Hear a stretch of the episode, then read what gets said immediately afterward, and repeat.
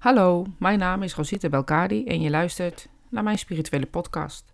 In deze podcast behandel ik onderwerpen over spiritualiteit en mediumschap, vaak in combinatie eh, met elkaar, eh, maar ook vragen die me gesteld worden door mensen die reageren op mijn podcast of filmpjes of gesprekken die je hebt of hè, dat soort dingetjes. Eh, maar ook mensen die mailen, die gewoon uh, vragen hebben en mailen. En vaak over, gaat het over persoonlijke situaties, maar er zit vaak wel een gelijke noemer in. waardoor ik nou ja, op ideeën kom om ja, een podcast te maken. Dus een half uur tegen een microfoon te praten. Want dat is wat een podcast eigenlijk inhoudt. een beetje tegen jezelf praten. Um, nou ja, in de ruimte. En in het begin moest ik daar altijd erg aan wennen. En heel erg aan wennen. En nog steeds wel. Als ik hem aanzet, denk ik, daar gaan we weer. Maar als ik helemaal aan het praten ben, dan hoop ik dat ook jij in de gaten hebt. Dat ik het echt heel leuk vind. Om, um, nou met het idee, met jou achter de, ho, hoe heet die dingen? Oortjes, hoofdtelefoon. Um, dus uh, ja, dat is de reden dat ik het blijf doen. En eigenlijk de laatste weken is er een vraag die steeds een beetje terugkomt excuses. en die vraag die, uh, die komt op meerdere plekken, op meerdere manieren uh, toppen. En dat vind ik ook altijd heel bijzonder te noemen. Dat je bijvoorbeeld verschillende klassen hebt, verschillende mogelijkheden online en zowel live. En dat er altijd dan één vraag gedurende een paar weken ongeveer hetzelfde is. Um, waarin verschillende mensen een vraag stellen die ze bezighoudt, maar die ongeveer de gelijke noemen hebben. En ook daar zou ik eigenlijk een podcast over kunnen maken. Over de inspiratie die de spirituele wereld dus ook heeft uh, aan vraagstellers. En ik zie het ook soms bij uh, collega-leraren. Uh, dat er, we met dezelfde ja, ideeën die weken insteken. Ik bedoel, mediumschap blijft mediumschap op een persoonlijke wijze.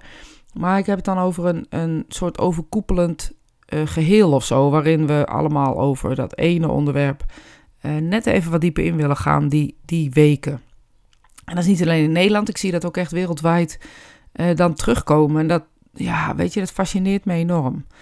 Um, daar zou ik deze podcast best over kunnen maken, maar dat was niet de intentie. Uh, de intentie was eigenlijk de vragen die ik de afgelopen tijd kreeg. En die zijn wisselend van orde. Um, hoezo komen sommige overledenen en niet direct. Hoezo komen sommige overledenen direct? Um, heb je een vrije wil als overledene om te komen? Um, wil je wel altijd komen dus? Uh, die vragen hielden samen met. En dat is een, een, een ja, vanuit de mediums vragen, dus vanuit de studentenvragen, hielden vragen met. Ik zit op die ene te wachten en die komt niet. En die andere, uh, waarvan die ook heel blij ben dat die komt, die komt altijd. En dan moet je je voorstellen, je zit in een klas met mediums die allemaal het beste uit zichzelf willen halen. En uh, soms ze helemaal nog niet wisten dat ze mediums waren, of in ieder geval dat ze dit konden.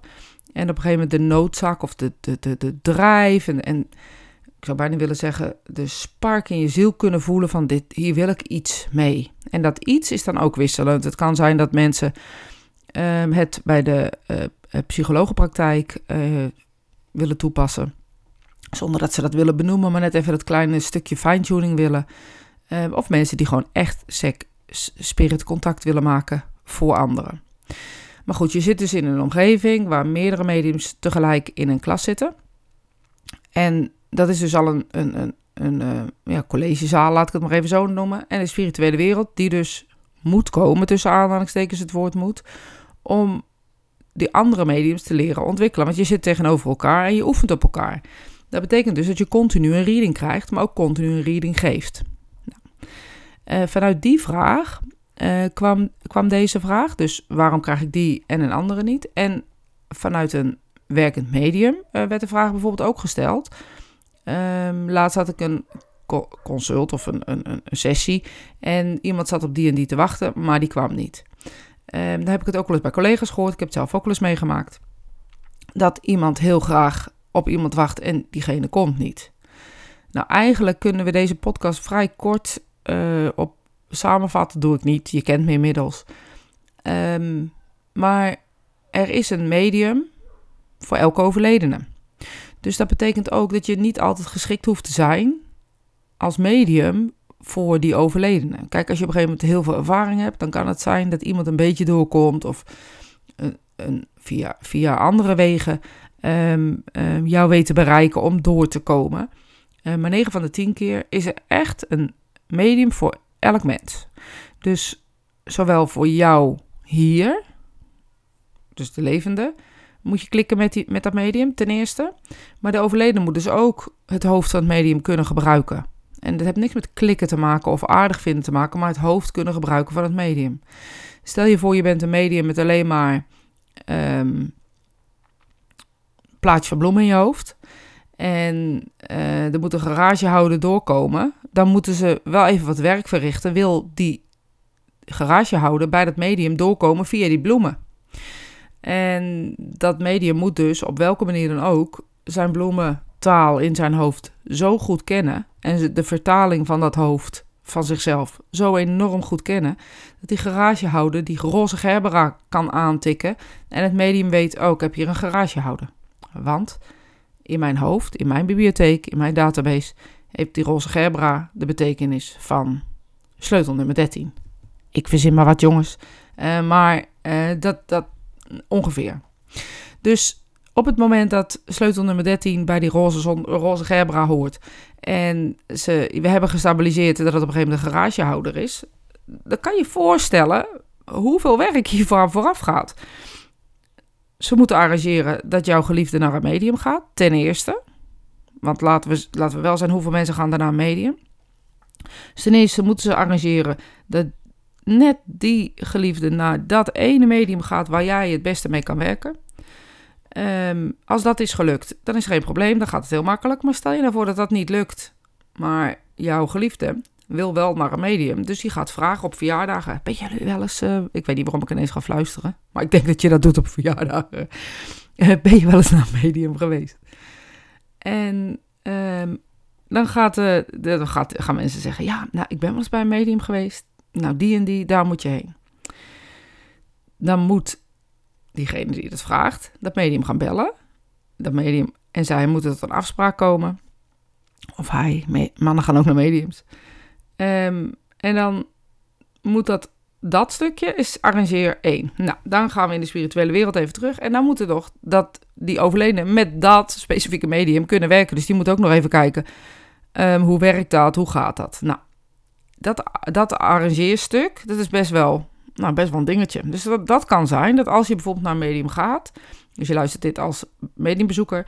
En als je naar medium gaat, dan kan het dus zijn dat jouw geliefde helemaal niet matchen met die overledene. Dus dat er maar een klein beetje van jouw overledene komt. Er komt altijd wel een klein beetje. net net en genoeg om te denken, hmm, zou dat die en die zijn?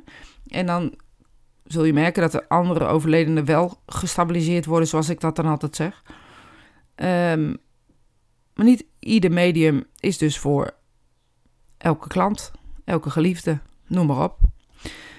Nu is er ook nog het studentenverhaal. Dus op het moment dat we met z'n allen in de klas zitten, je wordt één op één um, gereed continu, dan is er, dan is er een, nog een heel, heel, heel ander aspect aan de, aan de orde.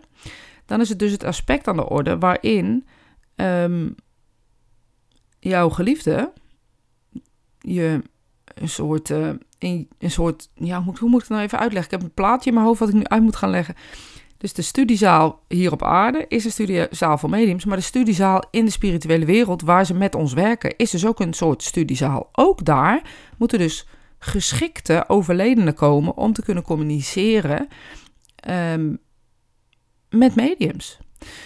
Stel je voor, jouw vader, opa, oma, vriendin, broer, zus, weet ik veel wat, is helemaal niet geschikt of heeft helemaal bij leven ook had helemaal geen geduld om überhaupt mensen te helpen dan zal hij dat in die studiezaal ook niet zo snel doen. Dus dan zal je zien dat mediums toch wel vaak in een klaslokaal, ook al weten ze het niet van elkaar, een beetje elke keer dezelfde geven en krijgen.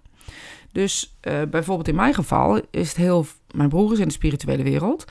En ehm, de laatste jaren uh, heb ik wat anderen inmiddels die deze studie mogelijkheden pakken. Maar in het begin, uh, toen ik net begon met lesgeven, was hij degene die altijd doorkwam bij demonstraties. Uh, altijd doorkwam bij studenten in de groep als ze met me moesten werken. Um, maar ook bijvoorbeeld als je dan, ik doe altijd een momentje demonstratie in de, in de groep voor mensen die dat willen aan het einde van de dag. Kwam die altijd. Echt altijd. En ik was ook al naar mediums geweest. Ik had ook al bezoeken van mediums gehad. Hè? Dus het was niet zo dat hij, dat hij iets moest. Nee, hij vond dit dus gewoon leuk. Het paste bij hem. Hij wilde dit graag. Hij wilde me gewoon graag helpen. Op welke manier dan ook. En nou ja, dat lukte, want daardoor kon ik het beste toetsen of iemand de bewijzen goed kreeg. Dus het is ook heel handig geweest in die periode. Ik heb heel veel van hem geleerd in de spirituele wereld. Hoe, ze, hoe hij dus met uh, student mediums omging.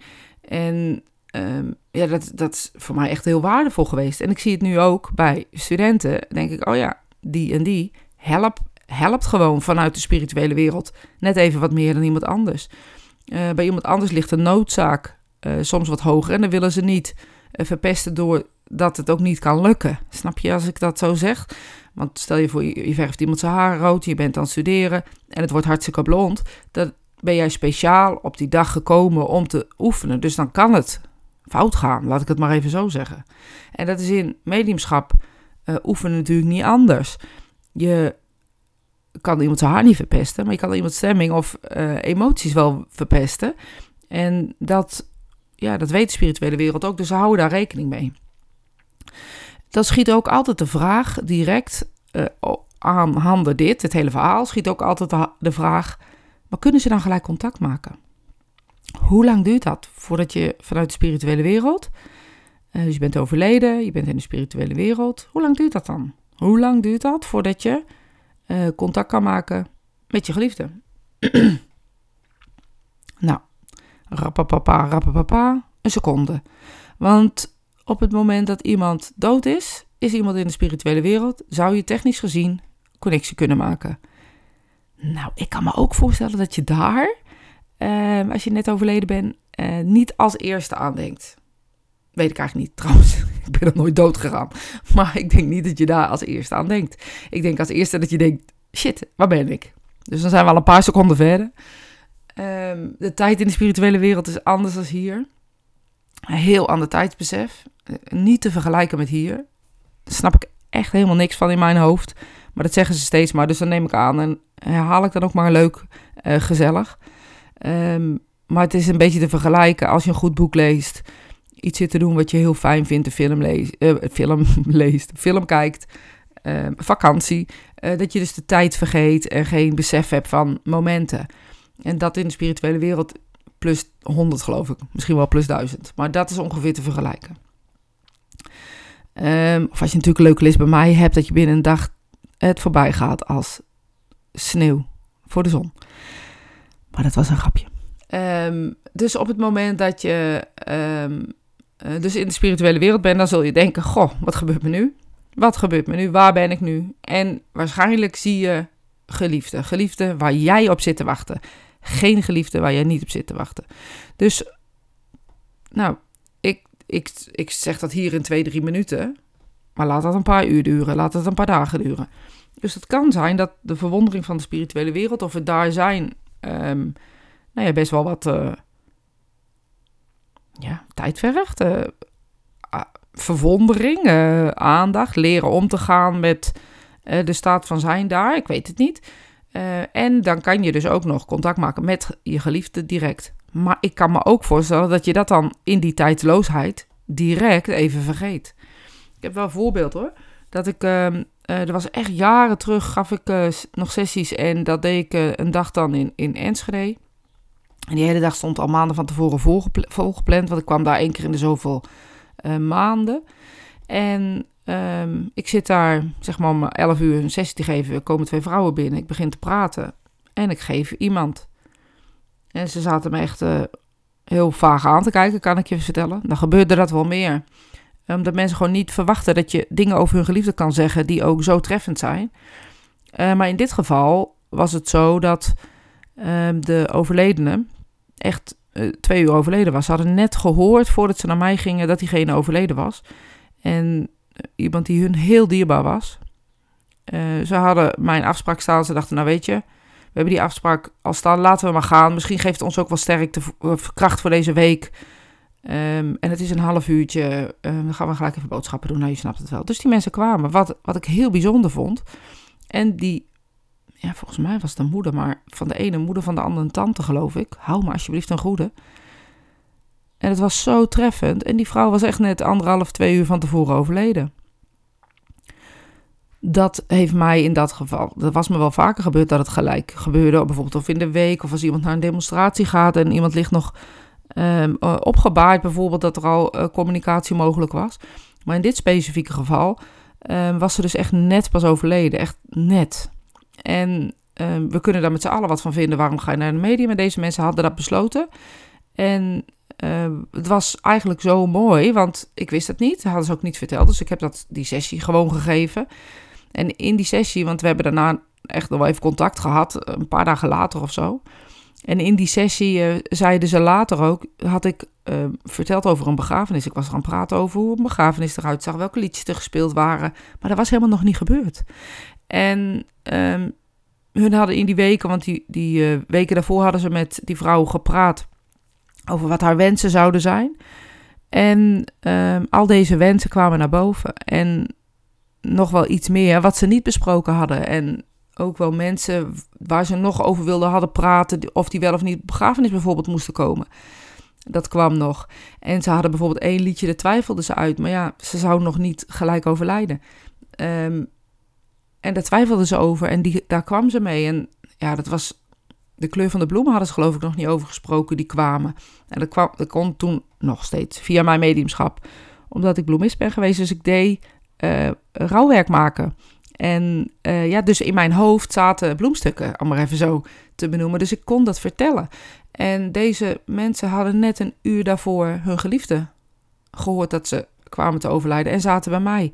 Dus het kan direct. Sterker nog, deze vrouw was super sterk. Um, ik weet niet of, of dat bij iedereen kan. Uh, waarschijnlijk deze vrouw in kwestie um, wist van deze afspraak of in de spirituele wereld geattendeerd op deze afspraak en ze heeft daar gelijk actie op ondernomen. Later zei die dochter ook tegen mij, ze zegt ik vond het zelf ook zo raar dat ik naar deze afspraak wilde. Ze zegt, want ik wilde eigenlijk bij mijn moeder zijn aan de ene kant, maar aan de andere kant voelde ik de drang, ik moet gewoon gaan. Met de wetenschap dat zij dacht dat je een jaar in de spirituele wereld uh, moest zijn om pas contact te maken. Dus ze had nooit, maar dan ook nooit verwacht dat haar moeder zou komen. Ik kan me deze sessie nogmaals goed herinneren, omdat ze er later over gesproken hebben. Want haar vader was in de spirituele wereld en die kwam eerst. En daarna kwam er nog iemand en toen pas kwam deze vrouw. En die heeft heel lang zeg maar, gesproken. Ze hebben het ook gehad. Um, ze heeft ook verteld over, over uh, hoe fijn ze het heeft gevonden, het leven. Hoeveel ze van de dochter hield. Hoeveel ze van de. Volgens mij was het de zuster die daar zat. Uh, hoeveel ze van de zuster hield. En um, ja, heel eerlijk. Deze sessie heeft zoveel indruk. Ik heb echt duizenden sessies gegeven. En bij deze sessie heeft zoveel indruk op me gemaakt, omdat hier alle vragen in beantwoord werden die ik later kon gebruiken. Want ik gaf daar helemaal nog niet zoveel les. Af en toe is een, een, een cursus of een workshop. En uh, deze vraag komt jaren later, kan ik die nog gebruiken um, om dus te zeggen uh, hoe het is en hoe het in de spirituele wereld is. En wat me ook heel duidelijk is, ik heb nog wel meer van dit soort verhalen, maar wat me ook heel duidelijk is, is dat dat niet anders is. Dat dat voor iedereen hetzelfde kan zijn. En voor iedereen kan het zijn dat ze direct dus contact maken met de spirituele wereld, mits, komt hij weer, het medium bij de overledene past. Um, en in dit geval was dat zo. Uh, ik heb ook wel best wel ja, het een en ander meegemaakt in mijn leven. En dat is niet, ah, oh, wat zielig, maar dat is gewoon zo. Ik heb heel veel gezien. Heel veel van de zijlijn ook gezien. Uh, en heel veel gevoeld en ervaren en echt doorleefd, laat ik het maar even zo benoemen. En dat doorleven, dat maakte ook dat, dat ik heel veel ja, kon geven. Dus op het moment dat iemand met, met bijzondere dingen kwam, snapte ik het omdat ik het gezien of meegemaakt had. En dat maakte dat er heel veel ja, soorten, dat ik heel veel soorten sessies heb gehad. Echt van alles en nog wat. Um, van baby's in de buik uh, die waren overleden tot, um, um, ja, nou, tot dit soort dingen dus. Want inderdaad heb ik wel zo'n baby die overleden was in de buik. die nog in de buik zat, ehm, kunnen geven aan een moeder. En ja, ik weet het niet, maar dat klinkt zo luguber als wat. Maar hoe mooi uh, is dat dat, dat dus een mogelijkheid, mogelijkheid is als je medium bent. Maar vooral als je niet bedenkt hoe jij als medium moet zijn. Dat je het, dat je het laat gaan en alles zich mag aandienen.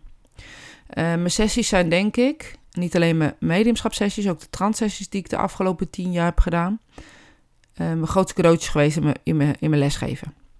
Want daar is zoveel wijsheid uitgekomen vanuit de spirituele wereld. Waardoor je nu ook mensen goed kan helpen. En dus vragen uh, kan beantwoorden waarom komen sommige overledenen wel? En waarom komen sommige overledenen niet door? En uh, nou, dat is dus een simpele reden. Soms kan het niet omdat het medium uh, er geen mogelijkheid in de hoofd voor heeft. Soms wil de overledene niet. Kan ook nog een optie zijn. Dat gewoon echt denkt: nee, daar ben ik helemaal nog niet klaar voor. Of ik wil dat echt niet. Of mijn geliefde is er niet klaar voor. Uh, dat zou ook nog kunnen.